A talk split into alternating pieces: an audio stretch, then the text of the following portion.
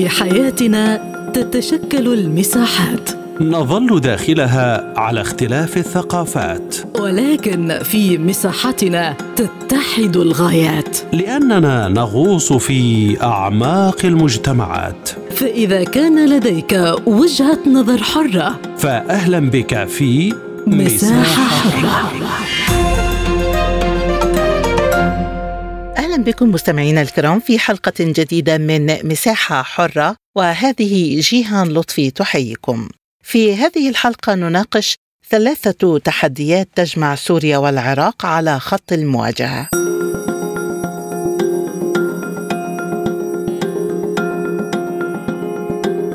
اختتم رئيس الوزراء العراقي محمد شياع السوداني الأحد زيارة رسمية إلى سوريا هي الأولى منذ 13 عاما ناقش خلالها ثلاثة ملفات كبرى في مقدمتها ملف التعاون الأمني وضبط الحدود بالإضافة إلى شح المياه وعودة اللاجئين. وخلال الزيارة وصف الرئيس السوري بشار الأسد العلاقات مع العراق بالتاريخية مشيدا بوقوف الشعب العراقي وقيادته إلى جانب سوريا في أصعب الفترات. واعتبر الأسد أن زيارة السودان فرصة لبناء علاقة مؤسسية وتحقيق قفزة كبيرة في التعاون الثنائي مؤكدا أن سوريا والعراق سيبحثان سبل تعزيز العلاقات الاقتصادية بما ينعكس على البلدين ويخفف من الحصار المفروض على سوريا. وقال السوداني إن الأمن والاستقرار عوامل تدفع العراق وسوريا لتعزيز التعاون بينهما مشددا على موقف بغداد الداعم لدمشق في بسط سيطرتها على كامل أراضيها. وأضاف السوداني أن أي جيب خارج عن سيطرة الحكومة السورية قد يتحول إلى عامل تهديد لاستقرار المنطقة داعيا إلى مزيد من التنسيق بين الأجهزة الأمنية في البلدين خاصة عند المناطق الحدودية. وأعلن المسؤول العراقي عن اتفاق مع سوريا على آليات للتعقب والمتابعة فيما يتعلق بمكافحة المخدرات على الحدود. ولفت الرئيس السوري إلى أن خطر المخدرات لا يقل عن خطر الإرهاب مؤكدا أن العراق قدم أغلى ما يمكن تقديمه في مواجهة التنظيمات الإرهابية. فهل جمعت التحديات الثلاث سوريا والعراق على خط واحد للمواجهة؟ حول هذا الموضوع تدور نقاشاتنا في حلقة اليوم من مساحة حرة. البداية من بغداد ومعنا عبر الهاتف الدكتور إحسان الشمري رئيس مركز التفكير السياسي مرحبا بك معنا دكتور إحسان ما أهمية الزيارة وهي الأولى من نوعها خلال 13 عاما وما الذي سيتغير على المستوى الدبلوماسي؟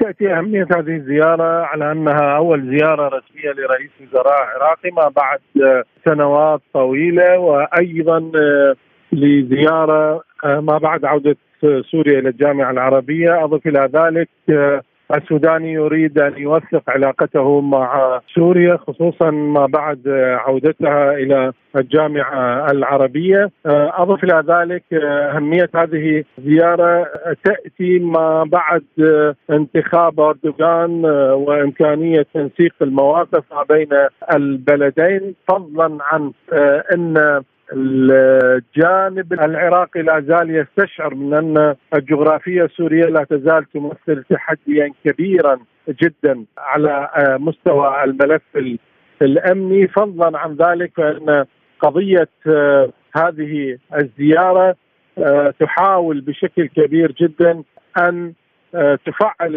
الجانب الاقتصادي خصوصا وأن سوريا العراق أيضا يعانون من أزمة اقتصادية ومن ثم وجود وجود تعاون ما بين البلدين أنا أعتقد أنه سينعكس بشكل إيجابي كبير جدا على البلدين.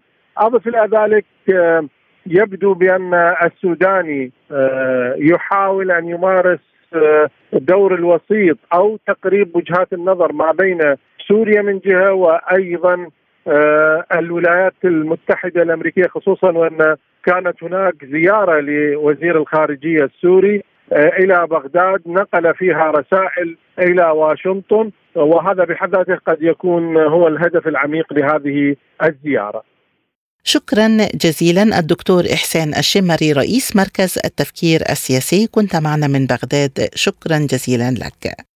وحول طبيعة التعاون الأمني بين البلدين وآليات التعقب والمتابعة عبر الحدود. معنا أيضا من بغداد عبر الهاتف الدكتور مجاشع التميمي المحلل السياسي. أهلا بك معنا دكتور مجاشع. وبداية هل نحن أمام ثقافة محاور؟ وهل تتجه السياسة العراقية الخارجية الآن إلى تحالفات إقليمية لمواجهة التحديات المشتركة؟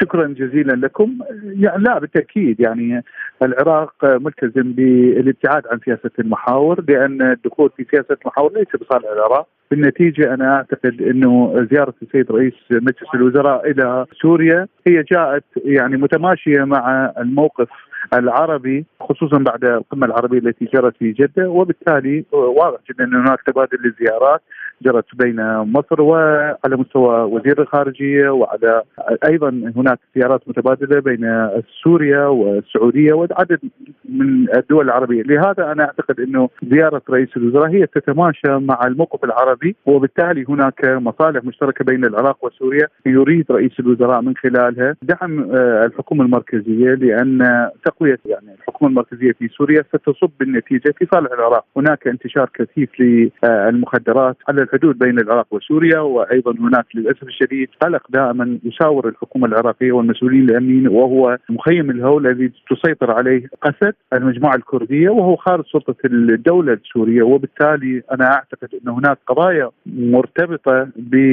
بين سوريا والعراق و خاصة موضوع الجفاف. لهذا مصلحة العراق أن تكون هناك آه، حكومة مركزية تفرض سلطتها على جميع الأراضي السورية وبالنتيجة سيكون المستفيد بالتأكيد العراق على الرغم من أن سوريا خلال السنوات الماضية دعمت بعض الجهات يعني المتمردة والإرهابية واتهمت من قبل الحكومة المركزية أيام حكومة السيد نوري المالكي من أنها تدعم بعض الأطراف المتطرفة وخصوصا القاعدة واتهمت علنا آه، الحكومة السورية بتفجير بالمساعدة في تفجير مبنى وزارة الخارجية عام 2008 لكن بالتأكيد يعني بعد التظاهرات وبعد الاحتجاجات والفوضى التي حصلت في سوريا آه، تضرر العراق كثيرا والحدود العراقية السورية أصبحت يعني للأسف مسار خطر ودعم زعزعة للاستقرار في العراق.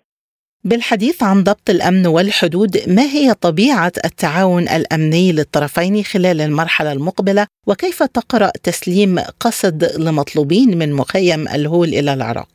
طبعا الحدود العراقية لا تسيطر عليها بالكامل للحكومة السورية.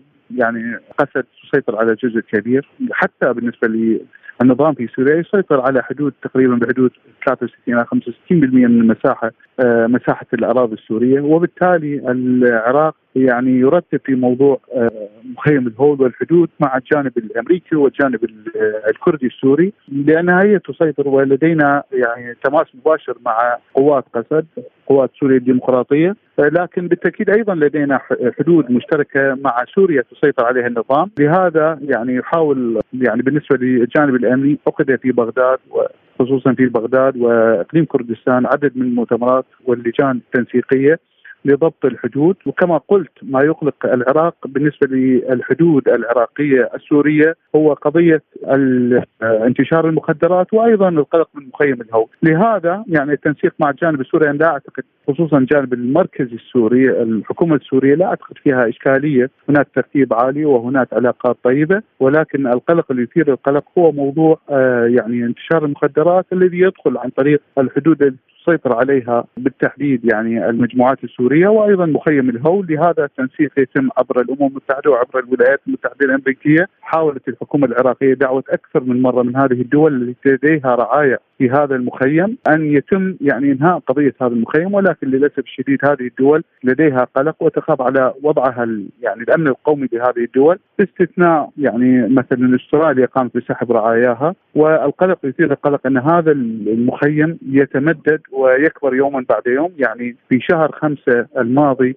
كانت نسبة الولادات بحدود 92 ولادة جديدة في هذا المخيم بمعنى أنه هذا المخيم ربما خلال خمس سنوات بالفعل سيكون خارج سلطة آه، حتى المجموعة الكردية آه، قوات سوريا الديمقراطية لأن التحديات كبيرة والعدد كبير فيه وهذه المجموعة لا تمتلك القدرة على يعني ضبط هذا المخيم.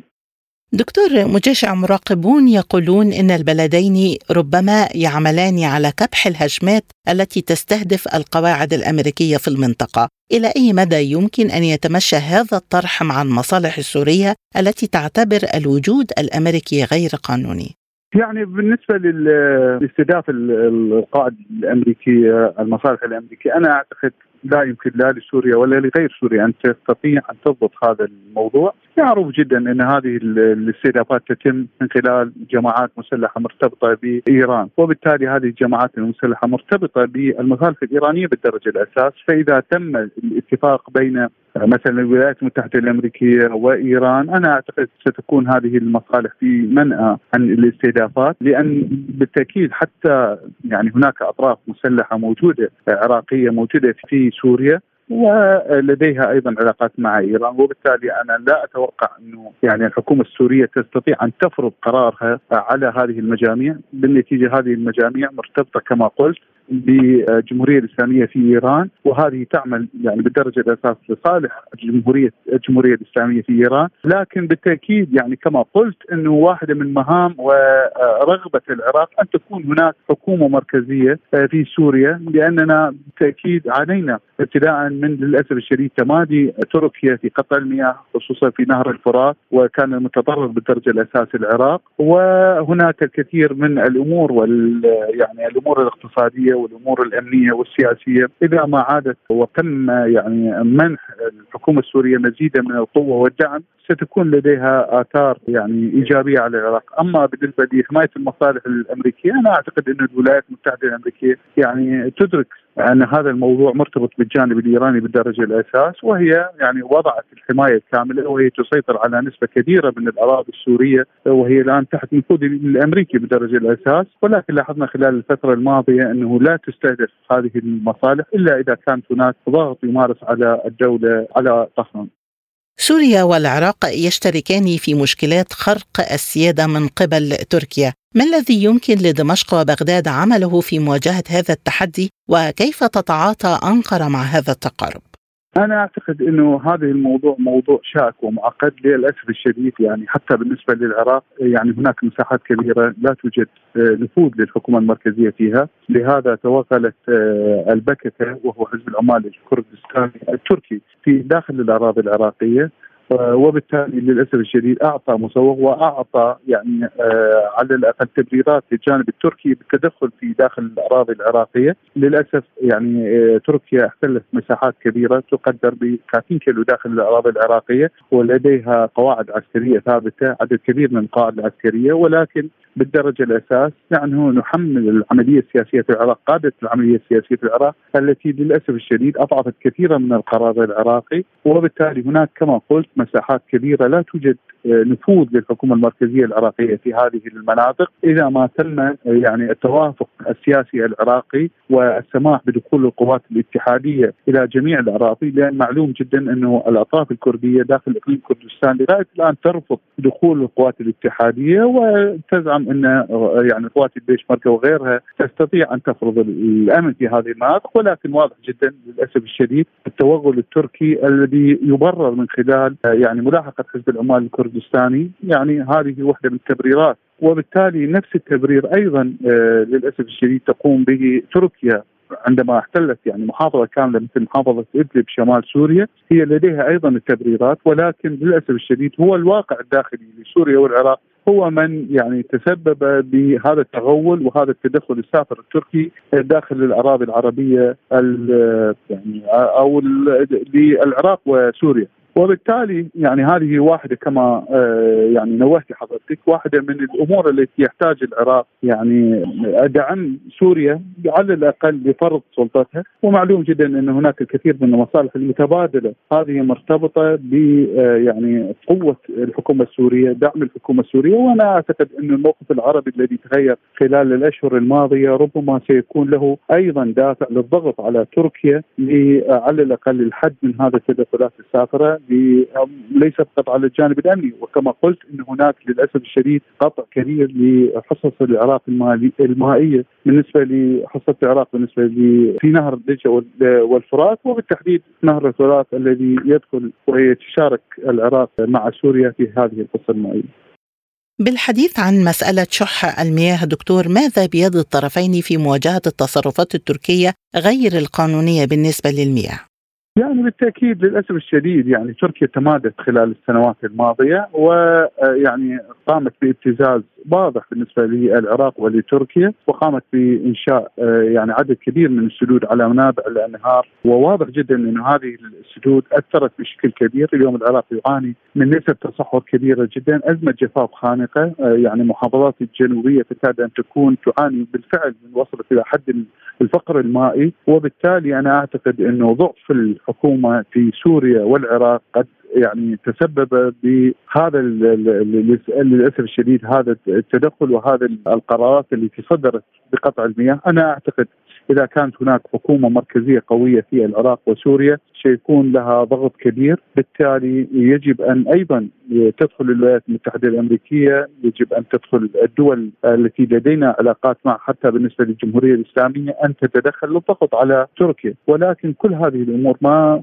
لا يمكن أن تتحقق ما لم تكون هناك دولة قوية موجودة في سوريا وموجودة في العراق، ولهذا العراق يحاول أن يدعم النظام في سوريا باعتبار أنه يعني رغم كل المناشدات ورغم كل الاتهامات اللي توجهت إلى نظام بشار الأسد ولكن بالتأكيد هو تجاوز كل هذه المحن وهو اليوم كما قلت يسيطر على حوالي 63 إلى 65% من الأراضي السورية وبالتالي هو يعني الآن يعني أصبح أمر واقع وعلى يعني الدول التي تستفيد من بقاء بشار الأسد أن تدعم بشار الأسد. واليوم كما نلاحظ أن مصر لديها علاقات طيبة وقوية مع سوريا والسعودية وعدد كبير من الدول باستثناء قطر. ربما الدولة الوحيدة التي تقف بوجه التطبيع مع سوريا. ولهذا يعني رؤية الحكومة العراقية أن وجود دولة قوية في سوريا سيكون له نتائج طيبة على حل الكثير من الإشكاليات منها مثلا التدخل العسكري التركي ويعني قطع المياه بالنسبة لتركيا للعراق وسوريا. إذا دكتور كيف تفسر غياب الاقتصاد عن طاولة مباحثات السودان والأسد والحديث عن مرحلة لاحقة لمناقشة ملفات الاقتصاد؟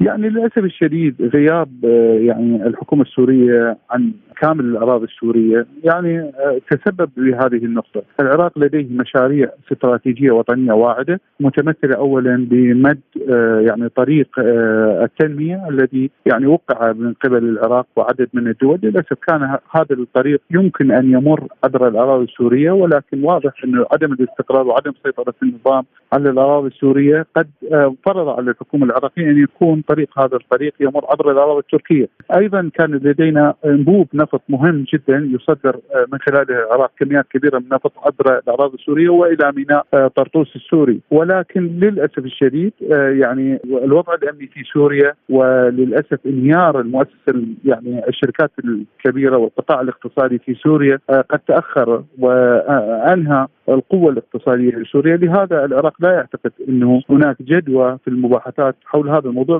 باعتبار أن سوريا اليوم تعاني. هي الأخرى من أزمات اقتصادية كبيرة. يعني المصانع الكبيرة التي كانت يعني تصدر كميات كبيرة من يعني المنتجات إلى العراق من محافظة حلب بالدرجة الأساس انهارت بفعل العمليات العسكرية التي حصلت خلال السنوات الماضية، لهذا يعني اليوم سوريا واضح أنها عاجزة والعجز ربما أكثر بكثير من المؤسسات الإنتاجية في العراق، لهذا من الطبيعي أنه لا يطمح رئيس الوزراء أن تكون هناك يعني قضاء وقت في تطوير العلاقات الاقتصادية لأن بالتأكيد سوريا لا يمكنها ان يعني أن تدعم العراق في هذا الجانب، لدى العراق علاقات طيبة مع دول صناعية كبيرة في مقدمتها دول الولايات المتحدة ودول المنطقة، لكن الأزمة الحقيقية بيننا وبين سوريا هي موضوع المخدرات والجفاف والتنسيق الأمني، هذه القضايا الأهم بالنسبة للعراق، ومن ثم يمكن أيضا إذا ما تم النجاح في هذه الملفات فتح يعني قضايا اقتصادية يعني يمكن مستقبلا أن يشترك العراق وسوريا في قضايا اقتصادية ممكن أن يكون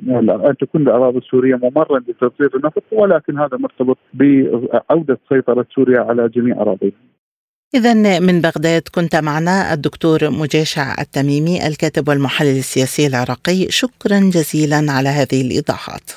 إذا ما هي ملامح الرؤية المشتركة بين كل من سوريا والعراق في مواجهة التحديات الثلاث؟ حول هذا الجانب معنا من دمشق الدكتور علاء الأصفري الخبير السياسي والاستراتيجي أهلا بك معنا دكتور علاء ما الهدف من زيارة السوداني لسوريا وفي أي سياق قرأتم تصريحه حول سيادة سوريا على أراضيها اولا زيارة آه، السيد سوداني لسوريا رئيس وزراء العراق آه، مهم جدا وهي تفتح لمرحلة حساسة مقبلة ومهمة في العلاقات بين البلدين، اليوم هنا أرضية مشتركة وتاريخ مشترك حيث أن الدولتين كافحتا الإرهاب الذي استشرع على الأراضي السورية والعراقية بدعم المخابرات الغربية والأمريكية عندما واجهوا تنظيم داعش بالرغم من آلاف الشهداء التي نزفت على أرض سوريا والعراق، لذلك طبيعة التعاون الأمني سوف تكون كبيرة بين البلدين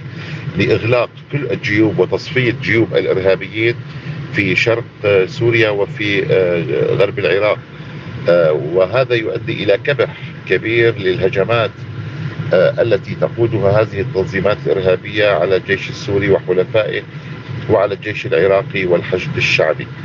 آه، أيضا سوف يكون هناك تعاون في حصار اللوجستي إلى حد كبير للقوات الأمريكية الغازية التي تحمي هؤلاء الإرهابيين وخاصة على الحدود السورية العراقية وسحب ذرائع الأمريكية بأن الحدود العراقية السورية هي ممر للأسلحة الإيرانية.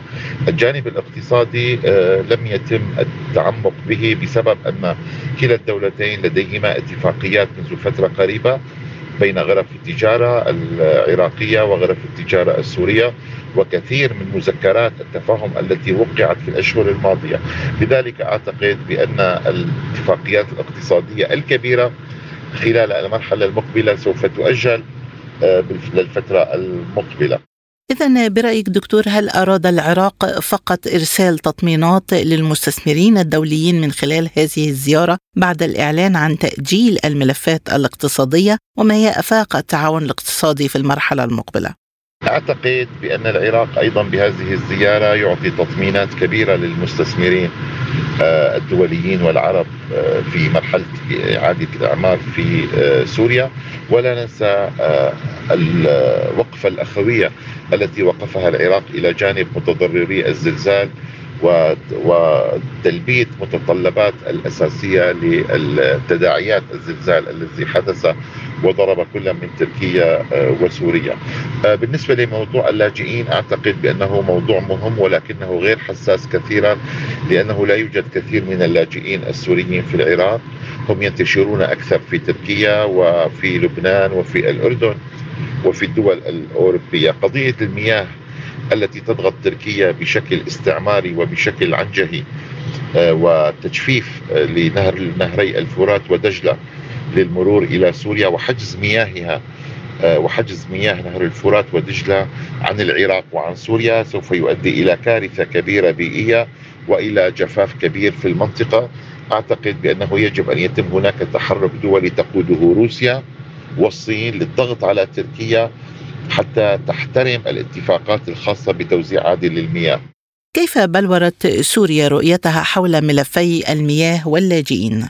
طبعا لا ننسى أن آه، هناك الآن بدايات لتحالفات إقليمية حيث أن الإقليم الآن آه، يأخذ حريته تدريجيا من الهيمنة الأمريكية وحيث أن الإقليم الآن يجب أن يشهد مزيدا من الاستقرار وخاصة بوجود آه، إيران وقريبا تركيا في أن تكون هناك توازنات للمنطقة بعيدا عن الهيمنة الأمريكية والغربية إلى حد كبير.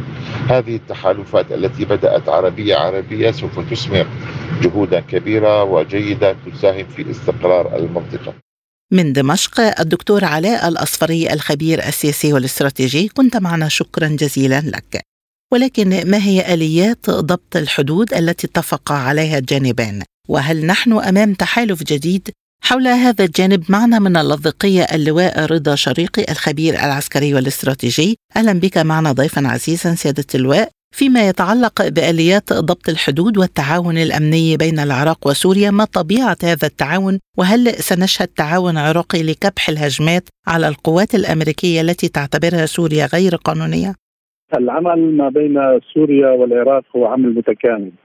منذ بدأت الأزمة في سوريا والإخوة في العراق والإخوة والسوريين يتعاملون مع هذه هذه الأزمة بشكل متكامل بحيث أن ملاحقة هؤلاء المجرمين على طرفي الحدود هي ملاحقات مستمرة والتنسيق بين الطرفين. وأعتقد أن الجمهورية العربية السورية ترحب كثيرا في هذه المسألة كما يرحب الجانب العراقي وأكبر دليل على ذلك أن هناك تنسيق أمني مشترك ما بين الدول آه، آه، بين الدولتين. وكما كما هو معلوم أن شخصية آه، الرئيس رئيس الوزراء السوداني السيد شياع السوداني هو يعني شخصية معتدلة ومقبولة جدا من الجانب من على المستوى العربي ومن الجانب السوري بشكل عام لأن هذه الشخصية تعمل على مصلحه على تأمين مصلحة الشعب العراقي والشعب العربي بشكل عام. وبالتالي كان استقباله في سوريا استقبالا حافلا. والسيد الرئيس بشار الأسد اهتم بهذه الزيارة بشكل خاص كما هو معلوم لدى الجميع. وأعتقد أن التنسيق الامني مستمر مع العراق وأن هذا الأمر هو من أولويات من أولويات الأمور أو البنود التي تم الاتفاق عليها. وخاصة وأن الولايات المتحدة الأمريكية اليوم تعمل بشكل كامل وبشكل يعني مخيف يعني مخيف جدا للواقع الذي نعيشه في الجمهورية العربية السورية لأن الأمريكان لا يتوانون عن العمل على تفتيت سوريا بكل الوسائل وهذا الأمر يضر بالمصلحه الوطنية والمصلحة القومية بشكل عام. لذلك الجانب العراقي والجانب السوري اهتموا بهذه المسألة خاصه بالتواجد الأمريكي على الساحة السورية. التواجد الغير مشروع لا مقبول دوليا ولا مقبول وطنيا ولا مقبول عروبيا وبالتالي يجب أن يكون هناك أو أعتقد أن هناك خطط للتعامل مع هذا الواقع المرير ومع هذا الواقع الصعب الذي يعني يعني يسببه الجانب الأمريكي. الجانب الأمريكي للأسف يعني لا يتوانى اطلاقا عن عن الاعلان عن مواقفه مضاده لسياسة أو لمواقف الجمهورية العربية السورية وخاصة بما يتعلق منها بالتقارب العربي العربي وبما يتعلق منها بمكافحة الإرهاب. فالجانب الأمريكي أو الولايات المتحدة الأمريكية والغرب يعملون على كل الوسائل يعملون بكل الوسائل لتفتيت آه، الوطن السوري وهذا الأمر لن يتحقق لهم وخاصة وأن سوريا يعني بدأت تتفاعل مع واقعها العربي بعد الأزمة على على أسس جديدة. هذه الأسس أعتقد أنها ستؤدي بالمحصلة إلى يعني آه، قوة الموقف السوري وبالتالي طرد العدوان بشكل كامل. والأمريكان يعلمون يعلمون ذلك ويعلمون أن التوافق العربي أو التقارب العربي هو يضر بمصالحهم الآنية. هم والأوروبيين بالتالي يعملون على تفتيت هذه العلاقات أو على تشتيت هذه العلاقات الاوروبيه. لكن العرب صاحون بهذه السياسة وخاصة في سوريا بقيادة الرئيس بشار الأسد حيث أن ننطلق أو في سوريا ننطلق من سياسة أساسها هو الاعتماد على الموقف الوطني وعلى وحدة الموقف الوطني ومن ثم الموقف العروبي والموقف الإقليمي في في المنطقة. وأصبح الموقف الأمريكي اليوم محاصر من قبل هذه الجهات، لذلك تعمل الولايات المتحدة الأمريكية بكل إمكانياتها ل يعني لجاء لهذا الموقف والانضرار به، ولكن لن يفلحوا بذلك لأن الشعب السوري أصبح يعرف كيف يتعامل. شكرا اللواء رضا شريقي الخبير العسكري من اللاذقية كنت معنا للمزيد مستمعينا الكرام زوروا موقعنا سبوتنيك dot AE.